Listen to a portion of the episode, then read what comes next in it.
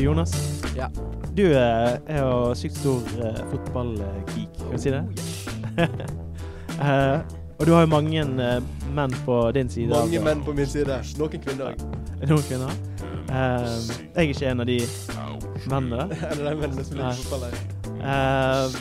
Og liksom sett ut fra mitt ståsted, så virker det veldig bortkastet eh, liksom, all den tiden. For du bruker jo veldig mye tid på, på fotball. Alle disse lagene du følger, og liksom hvor mye det påvirker livet ditt. Ja, jeg investerer veldig mye tid i fotball. ja. Ja. Men eh, hvis vi skiller mellom deg som eh, die hard eh, fotballfan og supporter, Ja. Uh, og deg som uh, vitenskapsmann Die hard vitenskapsmann. Die hard vitenskapsmann, ja. Og liksom ifra det sistnevnte ståstedet. Ja. Har, uh, har fotball noe å si for samfunnet vårt? Ja, for det er jo det det skal handle om i dag, eh, Lars. Vi skal prøve å se etter fotballen. Har den egentlig noe effekt på samfunnet? For det finnes jo mye i eh, fotball Jonas, som er politikk og økonomi. Sant? Altså, du har hele liksom, Fifa-organisasjonen og alle skandalene som uh, hele tiden uh, kommer ut derifra. da. Ja, Så det er mye politikk som skjer innad i Fifa, eller som skjer i NFF, uh, eller mye som, som skjer som er relevant. Ja, altså du har alle disse eh, Hva kaller du det? Transactions. Sant? Altså, handel med, med fotballspillere Ja, og overganger og sånn, ja. Overganger, ja, Ja. takk. Så er det andre greier, sånn som eh, dette med korrupsjon, igjen knyttet til Fifa, for Mye eksempel. sånn skattesnylting. Ja. Alle, alle de store stjernene, Messi og Ronaldo, alle de har jo blitt eh, tatt for det. Hvis vi ser vekk fra akkurat det, da, liksom interne greiene der, eh, så det vi lurer på, og det vi skal forsøke å svare på i dag, er jo dette om fotball er en forklarende variabel. Altså har det noen effekt på noe av det vi bryr oss om i samfunnet, som samfunnsvitere? Ja, eh, og eh, skal jeg være helt ærlig, så vil jeg jo si at uh, til tross for min posisjon i starten der jeg sa at jeg investerer tid i fotball osv., så, videre, så må jeg være Så tror jeg Jeg har iallfall trodd at det har vært litt sånn bortkasta tid. For så fort uh, fløyta går, da er det slutt på kampen. Det er ingenting mer som skjer. Det handler egentlig bare om de 90 minutter. Etter det så er det slutt. Veldig mange prøver å overtolke fotballen og få veldig mye mening inn i den. For de kjenner så sterkt på hva fotballen betyr for dem, og derfor vil de at det skal være noe mer enn det. Ja, så du burde skifte side, da. Bli litt mer uh, høykulturell, sånn som meg. Investere tid i uh, maling, skjønnlitterær uh, verk og skytespill. Ja, skytespill. Jeg skal, skal ikke si det. Det er gaming. Høykulturell gaming, eh, gaming Ja. eh, Lars. Ja, men eh, jeg tenker at det, det er jo kjekt for det om, liksom. Og for meg betyr det veldig mye, da. Jeg klarer ikke helt å forklare hvorfor, men eh, det er nesten litt sånn flaut, liksom. Men hvis jeg har lyst til å eh, Hvis jeg av en eller annen grunn skulle prøve å få meg sjøl til å grine, da Den eneste måten som garantert får meg til å grine, det er å gå på YouTube, se på eh, Norge-Brasil, når Norge, Norge kom, eh, kom tilbake etter å ligge under 0-1 i 1998. Og det andre klippet, når eh, Italia vinner semifinalen mot Tyskland i VM i 2006. OK, så det er de to. Uh, meg uh, på YouTube så er det vel mer sånne her uh, videoer av babyer som får se, klarer å se første gang i, i livet sitt med nye sånne her høyteknologibriller og den type Tenk det. Så, Så, forskjellig er livet vårt, eh, Lars. men, men så det du sier, da, er det at ja, du tror ikke det har så mye å si eh, som du gjerne ønsker. Det er fordi at eh, du, du selv investerer så sykt mye tid av ditt liv i det. da. Så det er en sånn sunk eh, cost-greie. Altså at uh, du etterrasjonaliserer din tidsbruk. Ja, jeg tror det er veldig mange som gjør det, iallfall. Og jeg har jo tilbrakt mye tid med folk som er like som meg, altså de som er doktorgradskandidater før, da, da vi tok doktorgraden i Firenze. Eh, og som var interessert i fotball, for jeg spilte jo på fotballaget der. Og etter det, så, eh, etter kampene så ble vi ofte stående på den lokale mm, puben som sponsa oss, og fikk vår gratis øl etter kampen. Og der var det mange som snakka som om fotball på en måte var en, eh, en fundamental faktor i, i verdenspolitikken. De snakka om liksom hvordan, eh, hvordan VM var på en måte en arena for stormaktspolitikk osv. Og, så og hvordan klubbfotball var representativt for politiske syn. og liksom Fiorentina, som var laget i Firenze, da, hvordan de representerte venstresida, mens du hadde fascistene i Juventus og så videre. Og jeg syns alltid det var så rart. Bare, herregud, det kan jo ikke ha så mye å si. det her. Hvis du er fra Torino, så heier du vel på Juventus. Det er jo et kjempebra lag. Og hvis du er fra Firenze, så heier du på Fiorentina. Og så går du og stemmer på Berlusconi eller Matteo Salvini eller hvem du gjør eh, etter det. Det har jo ikke så mye å si, egentlig, har jeg tenkt. da. Mm. Ja. Altså, jeg må jo si meg eh, delvis enig i det, da. Men uh, vi er jo inne på noe sentralt her når vi snakker om dette her med uh, tidsinvestering. For det blir jo, ettersom det er viktig for deg og ditt liv, og det er viktig for så mange andre, da, så har jo dere noe uh, til felles her. Ja, og det vi har snakka om så langt, det gir jo kanskje inntrykk av at konklusjonen vår er negativ. Fotball har ingen effekt på noe som helst. Vi tror kanskje det er litt overdrevet hvor mye effekt fotball kan ha blant de som er interessert i fotball sjøl. Men vi skal komme med tre eksempel på at fotball kan faktisk ha en effekt på samfunnet for øvrig. Og du var inne på den første, Lars. Det samholdet som ligger i fotballen. Ja. Og det er jo hele denne her eh, innfallsvinkelen som kommer ut ifra sosiologien og sosialantropologien. Og det er dette med fotball som religion. Altså som er egentlig som en religionserstatning da, i moderne tid. Ja, det er jo det Altså, eh, klanen som er supporterne til, eh, til Vålerenga, de synger jo 'Vålerenga, du er min religion'. Sant?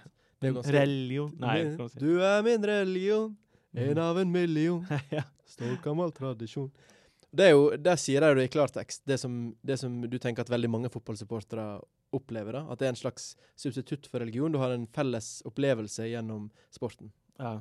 Men det du sier da, altså, ja, siden de sier det i klartekst uh, sjøl, så det er ikke akkurat så veldig uh, stort sprang for uh, en eller annen uh, sportssosiolog til å si det at Nei, men det er religion, uh, dette her, Ja. altså. Ja, men det er Nei, VIF-klanen det, er- det er en gjeng sosiologer som har forstått hva, hva, hva fotballen er. Men hvis du sammenligner uh, fotball og, og liksom den supporterkulturen rundt da, Mm. med andre standardreligioner, så framstår jo det uh, som veldig sånn uh, eh, testosterondrevet, liksom sånn macho-greie, brøling og eh, liksom Veldig endimensjonalt. Veldig, veldig endimensjonalt. Um, igjen ingen protest fra meg, da. Men, men eh, det stikker jo gjerne dypere enn som så. Ja, og jeg syns at en av hovedeksemplene på det, da, som jeg selv om jeg eh, kanskje skulle vært enig i at det er mye sånn testosteron og mye endimensjonal brøling på fotballstadion, og det har jeg jo sett sjøl når jeg har vært på fotballstadion, så det er, det er virkelig noe annet som jeg ikke kan komme unna. da. Og en av de tydeligste eksemplene på det, det er de sangene de ofte spiller før laget kommer på banen. Ja, for da eh, synger jo alle fansene eh, en felles eh, sang sammen før kampen eh, begynner. Gjerne den samme om igjen, om igjen, om igjen. Kanskje den var, de har hatt den samme sangen i 30-40-50 eh, år. Ja, Det er vel gjerne målet, at det skal vare så lenge som mulig å bare synge den samme sangen. Det er ingen interesse av å bytte den ut. Ja, Så det er et uh, ritual, da, rett og Et, et slett. rituale. Og um, det at de synger sammen, er jo seg sjøl en, en, en form for samhold. Men det er òg innholdet i det de synger som jeg syns har vært så interessant. Du skulle jo tro at rett før de skal spille en fotballkamp, som ofte blir betegna som en krig eller et slag, sant? skulle man tro at man hadde litt den der haka-mentaliteten som, som de har i rugby. Sant? Det er New Zealand, eh, det er All Blacks, eh, New Zealand-laget. Ja, det den maori-krigsdansen? Sant? Krigsdans. At det skal være, nå skal vi, å, skal vi bygge opp liksom eh, krigsmentaliteten. Sant? Ja. Ja. Bygge opp testosteronet. Men veldig ofte så er disse sangene veldig sånn melankolske og såre. Litt sånn triste og litt balladeprega, på en måte. Ja. Um, så Vålerenga, eh, for å ta det eksempelet igjen, da. De synger jo sangen 'Vålerenga kjerke', som eh, handler om en kirke som brenner ned. Og ikke på en sånn aggressiv måte. brenner ned, ikke noe sånn, eh, sånn Det har ingenting med fotball å gjøre, da. Ingenting med fotball å gjøre. Det handler om, en, det handler om, om det området da, som, eh, som klubben på en måte skal, skal komme fra. Eh, og at den kirka brenner ned, og at de som er fra det området, var triste over det. De kom og så på det brant ned, og, og, og mimra over de minnene de hadde der de ble konfirmert, og de hadde bryllup. eh, der og så videre. Når brant den ned? egentlig? Jeg er litt usikker på hva som faktisk var 1890. Men, 1890. men ja, det, er, det, er, det er jo Uansett Ja. så er det en sånn nostalgi rundt det. sant? Mm. Det samme er det for, en, for uh, klubben Napoli, som har sangen eh, 'Soldato innamorato'. Eh, soldaten, altså den forelska soldaten. Mm. Som er et brev fra en soldat som eh, er i skyttergraven i første verdenskrig, eh, og skriver hjem til sin forlova, eh, og, eh, og er trist over krigen og at han kommer til å dø. da. Det, er jo, det er jo bare trist, liksom. Bare tristesse. Ja, masse tristessegreier. Og kjempelenge siden. Den, den- men den synger Napoli-fansen før hver eneste kamp. da. Ja. Ja, sånn, så Det handler liksom om dette her, om å så bygge en uh, felles identitet. da. Så det er liksom fotball som sådan, sånn som uh, du uh, forteller nå, da, er jo egentlig sekundært. Selve mm. fotballspillingen, liksom. Det er handler mer om liksom den her større identiteten som har bygd, blitt bygd opp over tid, og all, alt man investerer i det. Og så er liksom fotball bare en liksom sånn teatralsk uh, manifestasjon av det. da. Ja. Legemidgjøring i et lite øyeblikk. Men uh, som vi vet med uh, supportere, sant, så er jo det liksom dette her kriteriet for å være en god supporter er du er ikke en medgangssupporter. da. Nei, Sant. Du eh, holder med dem uansett hva som skjer. Hold, hold, det, hold, det handler egentlig ikke om resultatet, da, på en måte. Du skal være glad når resultatet går din vei, men du skal alltid holde sammen med Du skal alltid støtte laget, da. Være, Ja. være lojal, liksom. Eh, og det her kommer jo fram i den filmen Er det den som heter The Football Factory? Eller ja, The Fear det- Factory. Nei, nei, jeg tror det er det det heter. Det, det med han der, um, han der Frodo i 'Ringenes herre'. Han som spiller Han er Eli, Elijah Wood eller noe. Ja, han, Elijah Wood. Mm, Wood. Mm. han, han spiller den, den eh, filmen, og den handler om Westham-supportere. Fotballklubben Westham i London. Mm. Eh, og der sier de jo akkurat det her i klartekst. De sier at eh, det fins gode klubber med gode supportere, dårlige klubber med dårlige supportere. Det fins dårlige klubber med gode supportere, og motsatt. Eh, og, da, og han hevder at Westham er en, klubb, en dårlig klubb med gode supportere. Mm. Og de er fornøyd med det, liksom. Det, er noe, det, det har ikke noe å si- si som, som ikke hvor, hvor godt laget er, så lenge de holder seg i den ligaen der de kan spille mot de store fiendene. Og så har de det store samholdet. Og eh, sangen til Westham er et veldig godt eksempel på akkurat denne såre eh, Det såre samholdet de kanskje kjenner sammen. da. Den heter jo eh, 'Forever Blowing Bubbles'. Og eh, Der ble du veldig sentimental akkurat jeg blir litt uh, sentimental uh, å tenke på det. Bare hør på det her. I'm forever blowing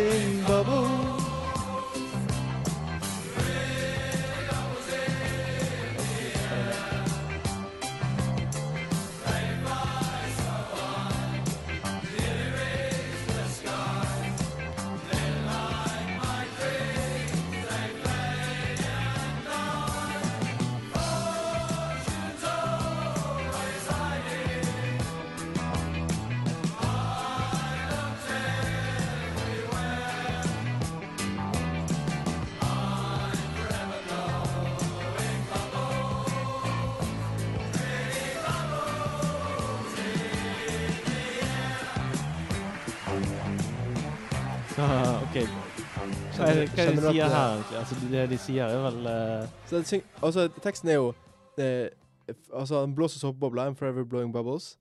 They fly so high, they reach the sky. Then like my dreams, they fade and die. Så det reflekterer Megatristesse. Megatristesse. Så det speiler jo da en helt annen side enn den her eh, aggressive, testosterondrevet greien som vi ofte forbinder spesielt da for sitt mest ekstreme uttrykk gjennom sånn hooligan-aktivitet. Ja. Disse mennene som barker sammen og banker hverandre til blods. Sånn som jeg leser den her, da, så det kan jo hende jeg tar helt feil av hvordan Westham-supporterne tenker rundt det. Men det her er jo en arbeiderklasseklubb med folk som har møtt mye motgang i livet. Eh, og det å hele tida prøve på nytt og hele tida drømme, og så oppleve at, eh, at eh, det går i tusen knas, da, det er en realitet de opplever i livet. Og når de kommer sammen, så finner en slags sånn samhold i å si at OK, men det her, det, her er en felles opplevelse. Og det er Sånn jo veldig mye felles trøst, sant? Det er den felles uh, trøsten. Sånn er livet for oss. Det er jo akkurat som i kirken, da, med presten. og liksom uh, Slekt skal følge slekters gang og det hele der. Ja, ja. Ja, så uh, det handler om de felles opplevelsene. Og vi kan jo dra parallell, veldig tydelige paralleller her, da. Ikke bare til religioner som sådan, men også dette her med nasjonalt fellesskap, f.eks. Eller tilhørighet til en eller annen form for gruppe. F.eks. om du tilhører en minoritet, eller eh, noe sånt. da. Så, så handler det om eh, det som eh, eh, han eh, Benedict Anderson kaller for imagined communities. Ja, imagined Communities, ja. Mm. Altså at eh, det er eh, de fleste sånne kollektive eh, system vi tar en del av det. Det bygger på eh, deltakelsen fra utrolig mange mennesker som eh, fòrer sin eh, hva skal si, energi og sine følelser inn i en fantasi, om du vil. Ja, for det er en fantasi det at de tilhører den samme gruppa. At det er en samme community, en samme eh, samfunnet. Eh, og det er en fantasi fordi at de, de fleste kommer aldri til å treffe hverandre. Mm. Så det at vi kaller oss eh, norske, for eksempel, da, vi er et eh, veldig lite land i forhold til veldig mange andre land i verden, men likevel, de aller fleste nord nordmenn kommer vi aldri til å møte personlig. Nei. Så det, det er alle disse her felles eh, ritualene som vi bygger opp, felles uh, normene, praksisene og sånne ting. Mm. Uh, og denne her fantasien da, om hva det vil si for eksempel da å være norsk. Eller hva det vil si å være en Westham-supporter eller Vålerenga-supporter.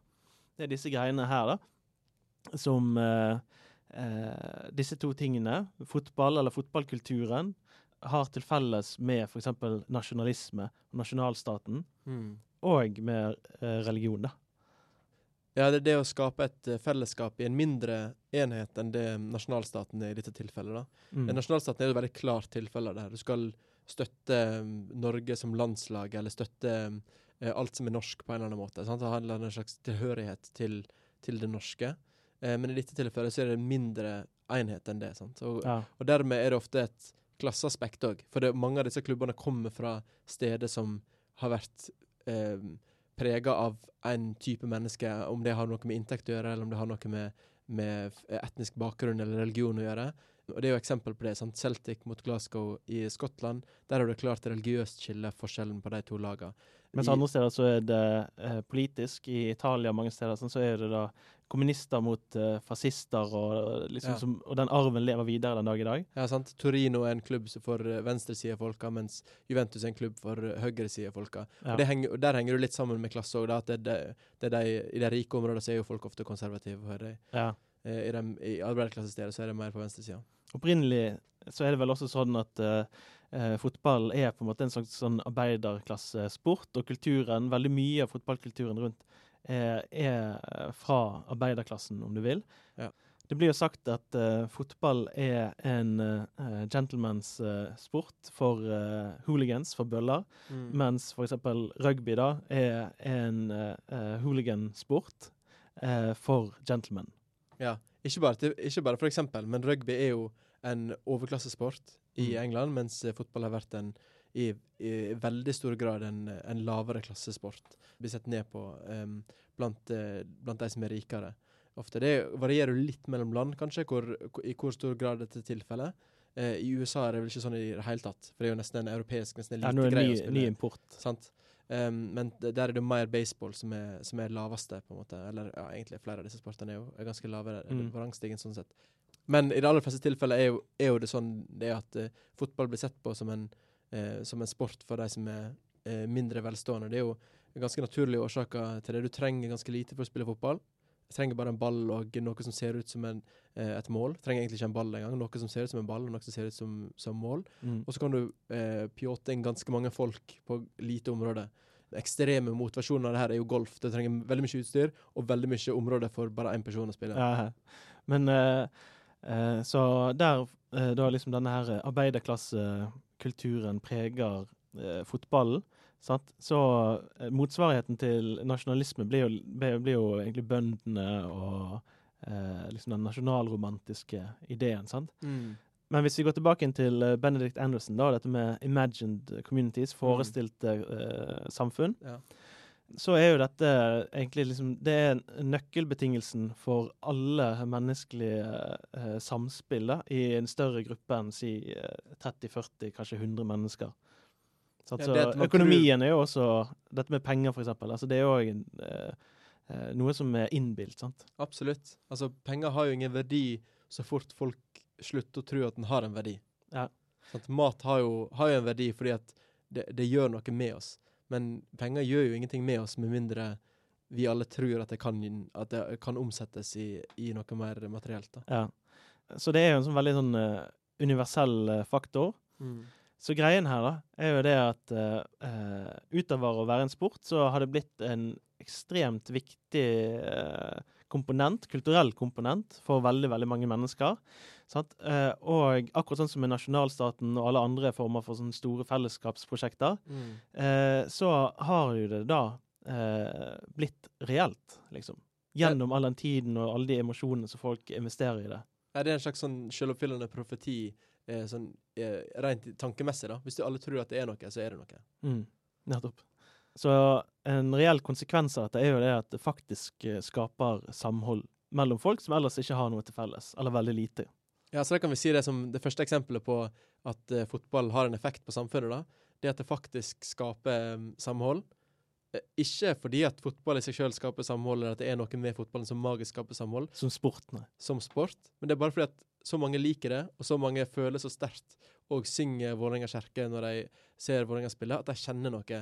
At det er et slags samhold sant? Som, med folk som de egentlig ikke kjenner. Ja, og den amerikanske sosiologen Robert Putnam han har jo skrevet veldig mye om dette her med sivilsamfunn og sosial kapital, sosial tillit. da. Hmm. Og da peker han jo på fotballklubber som uh, en av de viktigste samholdsfaktorene, spesielt i sånne arbeiderklasse, nabolag og bydeler og sånt. Ja. Og han har jo faktisk brukt antall fotballag som en måte å måle hvor sterkt samhold det er i et, eh, i et samfunn. I den velkjente boka hans 'Making Democracy Work', som er en klassiker innenfor statsvitenskap og sosiologi, da, eh, så sammenligner han jo Nord- og Sør-Italia, og eh, prøver å se på mange ulike indikatorer for hvor sterkt samholdet er i, i Nord-Italia i forhold til Sør-Italia, og hvordan det har eh, påvirka institusjoner, og, og tilbake hvordan institusjoner har påvirka eh, samholdet. Eh, og, da, eh, og da bruker han antall fotballag som er organiserte, som en, en måte å, eh, å måle det på. Ja.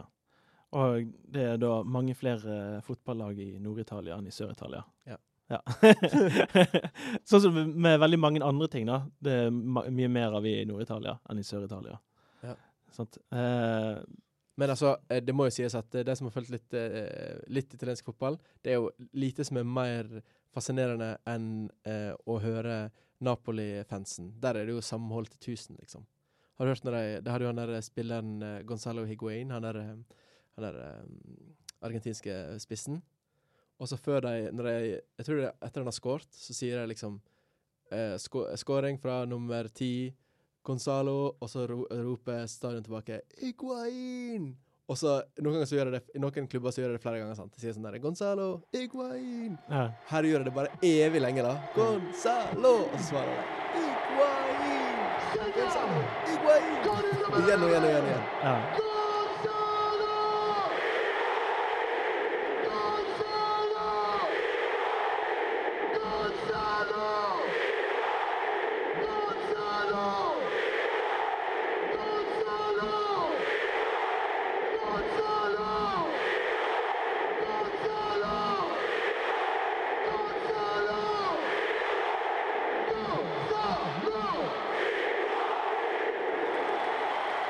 Så jeg synes, veldig sterkt samhold i Napoli. ja. Eh, veldig sterkt samhold akkurat på det området. Men ellers er jo Napoli kjent eh, som eh, et sted der det er lite samhold. Ja, veldig hustler territory. Der, der må man virkelig, eh, virkelig jobbe for seg sjøl. Som bøkene til Elena Ferrante så veldig klart viser. Det er sikkert mange som har lest eh, Mi briljante venninne og de andre bøkene. Det viser jo hvor klart man må jobbe for seg sjøl. Ja, så Hvis det ikke hadde vært for fotball i Napoli, så hadde det vært uh, alles kamp mot uh, alle der nede. Det er det du er inne på litt der. Ja. Takk Gud for fotball, da. Men uh, dette fellesskapet, da, som eh, jo har mange positive sider, det har jo òg en eh, veldig dramatisk eh, skyggeside, som vi har blitt så smertelig klar over når det kommer til spesielt til nasjonalisme og nasjonalstaten. sant? Eh, og det er jo nettopp det at eh, for oss å kunne definere oss og hvem vi er, så trenger vi en motpart. da. Og Ja. motparten blir måte jo nettopp det motsatte. Ja, sant. Så for, for å ha en inn-gruppe, eller for å ha en gruppe, da, så må du ha en ut-gruppe. For Ja. at noen skal være i et fellesskap, så må noen være utafor fellesskapet òg. Ellers så gir det jo ingen mening å ha det fellesskapet. Sant? Til og med hvis du sier 'vi er alle mennesker', da har du ekskludert dyr, da. I det mest ekstreme, sant? Ja. Eller 'vi er alle del av planeten Jorden'. Sant? Da har du ekskludert eh, Mars. The aliens. ja, sant? ja, ja. Eh, Og i de aller fleste gruppene er jo mye mindre enn det, sant? og da er det jo alltid noen som er ekskludert fra gruppa. Eh, og iblant så får jo det dramatiske konsekvenser. I fotballsporten så ser vi Eller fotballsporten eh, i fotballen, liksom rundt. Du er skikkelig fotballfan, rundt. du. Ja. Fotballsporten. I, I kulturen rundt det, sant, så manifesterer jo dette seg i eh, denne formen for uh, oppgjør og vold, uh, som i en del steder rundt omkring i verden ofte ender i drap. Ja. Um, det har vi sett veldig mye uh, i dette med Glasgow og Mellom Celtic og, og Rangers. Ja. Der er det Glasgow, vet jeg. Der Ja. er det mye kampen om dem. Og eh, det er jo her i Oslo så er det jo mellom, mellom eh, Lyn, da, der de fremdeles vet i, i Eliteserien. Ikke Eliteserien lenger! Nei, det.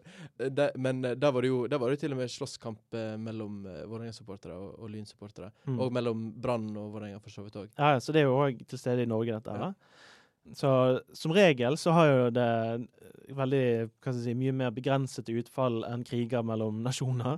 Sant? Eh, men eh, det finnes jo i hvert fall ett eksempel eh, på at eh, fotball da, har utløst eh, krig. Ja, det var den såkalte fotballkrigen mellom eh, El Salvador og Honduras. Ja, sant? På 60-tallet så var det da en kortvarig krig på ti dager mellom El Salvador og Honduras. 10 000 mennesker ble drept, og eh, 100 000 pluss ble fordrevet. Ja. Ekstremt dramatiske konsekvenser. Og det spores direkte til dette fotballoppgjøret mellom de to nasjonene. Hva som, skjedde i den fotballkampen, da? En av de tapte. OK, så, så enten El Salvador eller Honduras tapte, og eh, vinnerlaget eller taperlaget ble, ble Altså, det som er overraskende, Fly forbanna. Fly forbanna. Man skulle kanskje tro at det er åpenbart eh, taperlaget som ble sint, men overraskende nok så, så er det visst eh, vinnerne som oftest blir aggressive. Okay. Eh, ja, det var, det det, jeg tror det har vært noe forskning på det, at det, er supporterne til vinnerlaget som blir så boosta av at de har gjort noe bra. Ja. Eh, sant? At, de, at det er ofte de som går til angrep. Jeg vet ikke om det var tilfellet i fotballkrigen. da. Men eh, jeg, jeg tror veldig på det. For hvis du ser på sånne keepere eksempel, i fotball, da, um, som gjør en redning får, eh, det, det er jo veldig sånn der, um, eksplosiv reaksjon på det. At jeg liksom, Har du sett det? Når jeg, etter at etter de er redda Bokser i luften og Bokser i luften, for eksempel. Eller i luften. Eller tar en, tar en skikkelig sånn, der, sånn feberredning. og skaller inn i tverrleggeren. Sant? Eh, Ja, ja, ja. Det, det er ikke så ofte det skjer. Men de gjør sånne ting. Og så med en gang opp og kjefte på Forsvaret. Sant? Så er det liksom Er de på veldig på denne testosterongreia at det er liksom åh, Nå skal de eh, Etter de har skåret Eller noen som skårer et mål, da. Ja. Ser de nesten sinte ut etter de har skåret målet. sant? Mm. Denne eh, aggresjonen den kommer ofte etter å ha gjort noe bra, heller enn å, å ha bomma. Hvis du bommer, så blir du litt sånn flau og litt sånn slukøra, går med halen mellom beina. Ja. Um, uansett, da. Der var, det- der var det en krig. ja. eh, det, var en krig. Der var en krig. Men eh, vi tror ikke at den eh, Det er ikke liksom et veldig bra eksempel på at fotball har noe effekt i, eh, på samfunnet. Fordi det var sannsynligvis ikke hovedgrunnen til at det var krig mellom Honduras og El Salvador. ekstremt mange mye større bakenforliggende faktorer. Ja. Og så var dette da tippepunktet. Sant? Og det tippepunktet kunne jo da vært veldig mange ting. sant? Det er jo, det er jo litt som Hvis, du, hvis vi fra det skulle konkludert og sagt at ja, men fotball har, kan utløse krig, Mm. det ville jo være som å si at eh, pass på folk som eh, tar fyr på seg sjøl. Eh, Ja. Fordi at det kan starte en, den arabiske våren. Ja, sånn som det gjorde nå i uh... Som det gjorde i um, 2010. da. Han i eh, Tunisia som satte fyr på seg sjøl. Ja. Eh, og det utløste på mange måter den arabiske våren som spredde seg over store deler av Midtøsten. Men det er jo ikke noen god analyse å si at det er det at han satte fyr på seg sjøl som starta hele eh, den arabiske våren. Det var jo veldig mye som lå bak. ja, ja, ja. Eller sånn som i parforhold, da. Sant? Eh, Ja. Mange parforhold som, eh, som eh, ryker. Det er jo av trivialiteter akkurat i øyeblikket. For eksempel sånn som denne her eh, parterapi-slags serien Ja, ja. på Aftenposten. Aftenposten. Nei, jeg tror det er på NRK. Er det på NRK? Men uh, uh, greien der, om jeg husker rett, er det at hun damen, kvinnen i forholdet, hun bestemmer seg for at ok, hun og mannen de- de må skilles. Eh, og det er etter at han kommer hjem, og så har han ikke tatt med seg om det var oppvaskemiddel eller et eller annet sånt. Så det er. Og det virker jo så bare som vanvittig trivielt. Akkurat sånn som fotballkampen i dette tilfellet er vanvittig trivielt. Eh, mellom, som utløsende for krig mellom Honduras og El Salvador. Ja. Eller, eh, om enn mye mer tragisk, da, han mannen som satte fyr på seg selv Mm. i Tunisia. Mm. Eh, Hvorfor skal denne lille saken, da, ett menneskes eh, skjebne, eh, utløse en kjedere- kjedereaksjon i så mange land der det blir eh, revolusjon, borgerkrig eh, osv.? Ja, så det ville vært et veldig dårlig råd til ektemenn som er redd for at kona skal forlate deg, og si sånn Husk for all del å kjøpe vaske, vaskepulver når uh, kona di har bedt deg om det. For all del, gjør det hvis hun har bedt deg om det, og du skal, du skal gjøre det. Men det, For all del. for all del, det er ikke noe galt i å gjøre det, men det er sannsynligvis ikke det som er den viktigste bakenforliggende årsaken. Da. Det kan kanskje være siste dråpen. Liksom. Ja. ja. Så, Og det er jo noe som uh, framstår som litt sånn uh, uh, Det er litt sånn downer, da. det at, eh, for ofte så ønsker man at eh, store, store begivenheter eh, skal eh, komme som en direkte konsekvens eh, av eh, liksom en eller annen stor krise. Så Ja. at, uh, I et parforhold, uh, utroskap eller et eller annet sånt, så der, da, da gir det umiddelbar mening. Ja, Sant? Men når det er noe så hverdagslig, så virker det så banalt, da. det virker banalt, ja. Ja. Og det er nettopp denne her banaliteten som vi også finner igjen i så mange eh, større konflikter enn de ektenskapelige. For eksempel eh, ta eh, Nazi-Tyskland.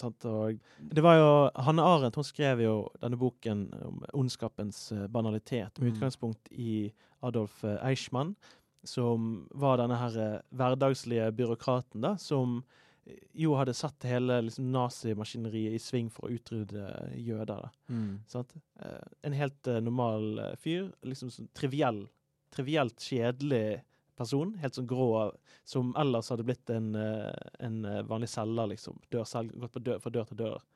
Ja, men da tenker du at han var bare en, en liten eh, En liten parentes, da, egentlig, som bare som la til det siste lille som trengtes for å gjennomføre Ja. eh, jødeutryddelsen.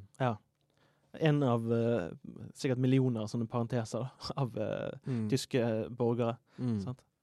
Eh, nå har jo vi eh, tatt en detour innom masse negative ting med eh, dette med liksom, det fellesskapet. Ja. Sant? Men det kan jo òg ha noen andre positive. Akkurat sånn som igjen med nasjonalisme, da. Sant? Så er det ofte det at eh, vi har en tendens til å fokusere på de negative konsekvensene. Uh, og uh, det har vi også gjort nå. Ja. Men fotball kan jo uh, har jo ofte blitt framstilt, og i alle fall i sammenhenger der eh, landslagene spiller, så har det blitt framstilt som en måte å innlemme et større fellesskap på. Sant? Du skaper, Det er sant at du har en inngruppe utgruppe, eh, Tyskland mot Frankrike, men så har du mange eh, svarte spillere på Frankrike, som da på en måte er innlemma i det franske eh, prosjektet. Det som, det som da er fransk. Sant? Det som er inngruppa i Frankrike.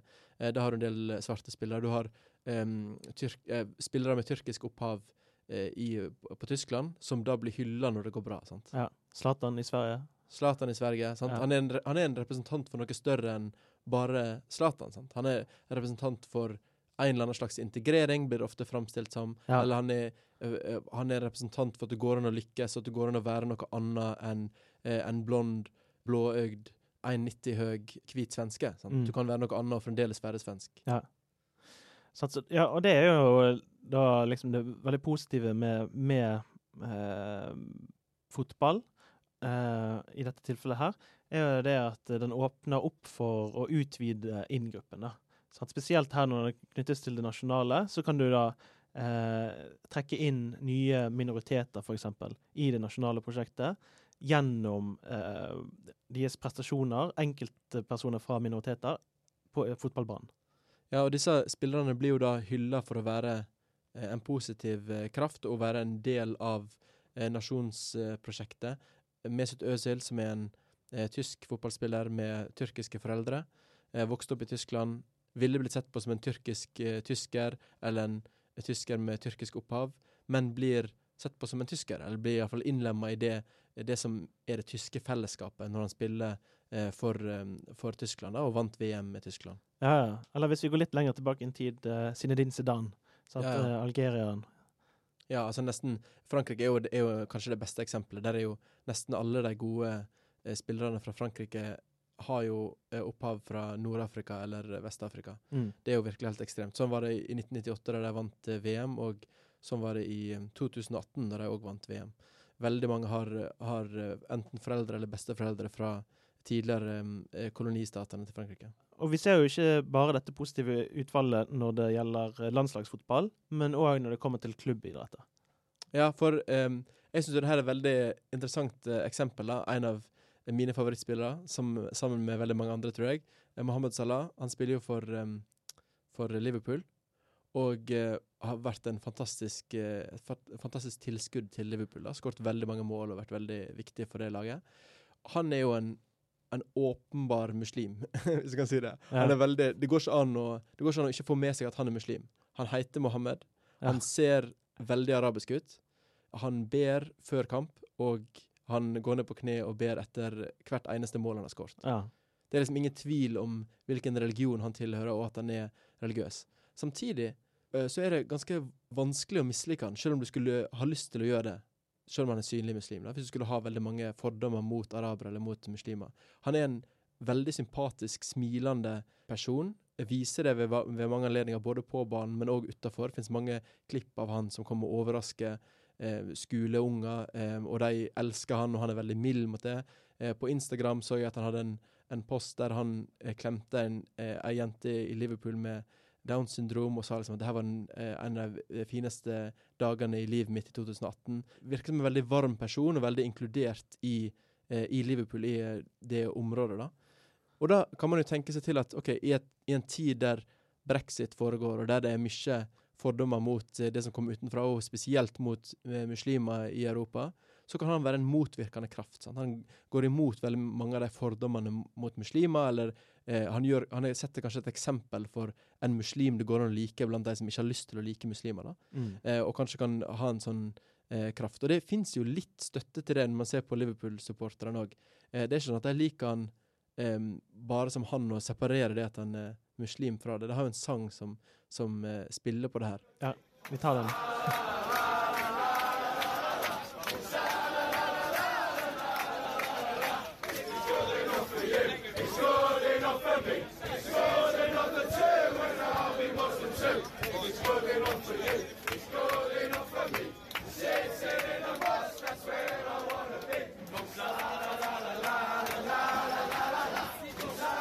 så her synger de det at eh, de eh, vil eh, gå i De vil bli muslim, da.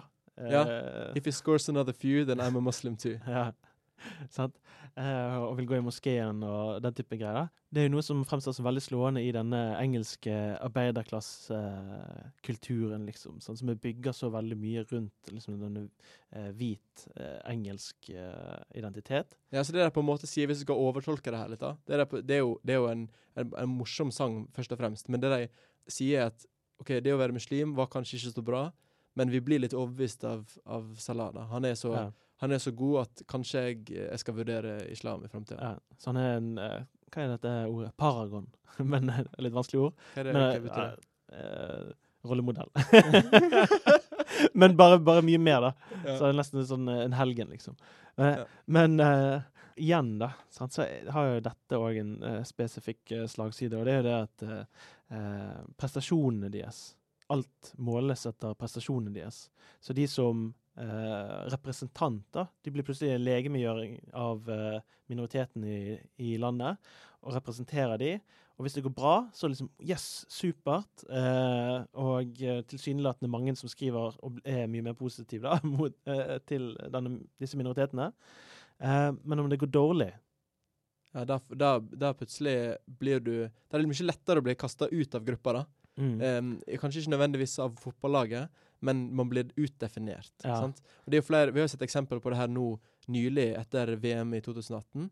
Så var det jo flere eh, som, som, eh, eh, som gikk ut og sa at eh, når jeg spiller for landslaget, så er jeg fullstendig Og når det går bra, så blir jeg inkludert i gruppa. Når, jeg, eh, når det går dårlig, så blir jeg alltid utdefinert som at jeg har et annet opphav. Eh, Mesut Özil var den beste eksempelet på det. Han slutta på landslaget etter 2018 og sa at hver gang jeg spiller når jeg spiller bra, så får jeg lov til å være tysker. Når jeg spiller dårlig, så blir det alltid fokusert på at jeg, er, at jeg har tyrkisk opphav. Ja. Eh, samme med mm, spilleren Romelu Lukaku på eh, Belgia, som sa at hver gang jeg, hver gang jeg skårer mål, så er jeg belgisk i, mm, i belgisk media. Hver gang jeg, jeg har spilt en dårlig kamp, så er jeg eh, belgisk med kongolesisk opphav. ja. Sant, så det er liksom sånn midlertidig medlemskap, da. Ja. Sant? Som Eller- eller. Egentlig betinga medlemskap, kan vi heller si. Det er ikke bare Ja. midlertidig. Altså, i, det jo Det kan jo midlertidig for evig, men ja. Det kan være evig, men i, teori, eller, i praksis gjør du ikke det. For ingen fotballspillere kan spille så lenge og spille så bra og hver eneste kamp er god. Men det er alltid betinga på Du må alltid bevise deg, da. Ja. Og som konsekvens, da, sant? Altså, hvis de da, siden de da blir sånne representanter for sin minoritetsgruppe, Ja. Så, så får jo det en sånn blowback-effekt på eh, andre òg. Gjerne ganske svak, da, men hvis du får mange sånne eksempler, så, eh, så, så vil jo det ha en effekt på folks holdninger til eh, På en del folk sine holdninger til eh, disse minoritetsgruppene òg. Ja, altså hvis, hvis Salah får liksom en dårlig sesong, da, så, så begynner de å synge sånn If he misses uh, another few, then I'll, I'll, I'll never go to the mosque. Jeg vet ikke hvordan det blir. Men da, da, da slutter de å konvertere til islam, da. I'll start bashing Muslims too. ja, sant. Eh, ja, er, det er et tveegget sverd, da. Det er jo det. Så eh, vi kan vel egentlig si at det, har- det har jo en effekt på det å innlemme eller starte et større fellesskap, men kanskje det er mer betinga og midlertidig enn det vi gjerne vil at det skal være når det går bra. Sant? Det gir i den Mm. lykkerusen når, når eh, det går bra. Du ser Belgia eh, spille en god kamp, og du ser det, det fargerike fellesskapet sant? med alle de bakgrunnene som spillerne på Belgia har. Så ser det utrolig fint ut, Mm. men eh, hvis det går dårlig, så, så kan det fort eh, kan pipa få en annen låt. da. Ja. Fordi at det gjøres betinget av eh, deres uh, suksess, liksom. Fortsatt suksess. Ja. Vi har jo vært gjennom en del eh, forhold her som viser det at uh, fotballen, i kraft av å ha blitt et så stort massefenomen, så viktig i så mange mennesker sitt liv, har mange reelle konsekvenser for samfunnet vårt. Sånn at, altså, at det kan skape samhold og sosial tillit der det ellers ikke eksisterer. Ja, det skaper en slags eh, eh, en gruppe, eh, og folk kan definere seg og føle at de tilhører en gruppe. Ja, eh, med vedhørende ritualer og Ja. sant, alt dette med sangen, eh, klesdrakt, hvor de går Ja. Og det er mye, mye rundt fotballen heller enn sjølve sporten. Det er helt fram til Helt fram til kampen starter, da, så er det det at de synger sanger, og det at de møtes, og alt det der som, som skaper et sånt samhold som, som skjer av sporten, men ikke direkte som følge av sporten. Det er alt det som er rundt. ja. Og det er vel gjerne det viktigste, da. Som samfunnsproduktet. Det er nok sannsynligvis det. Mm. I tillegg så har du den direkte effekten som er veldig sjelden. Den skjebnesvangre krigen mellom Ja. Honduras og El Salvador. Ja, At det kan tjene som et sånn tippepunkt, da. Som Ja. får lasset til å velte over ende. Ja, sant. Ja.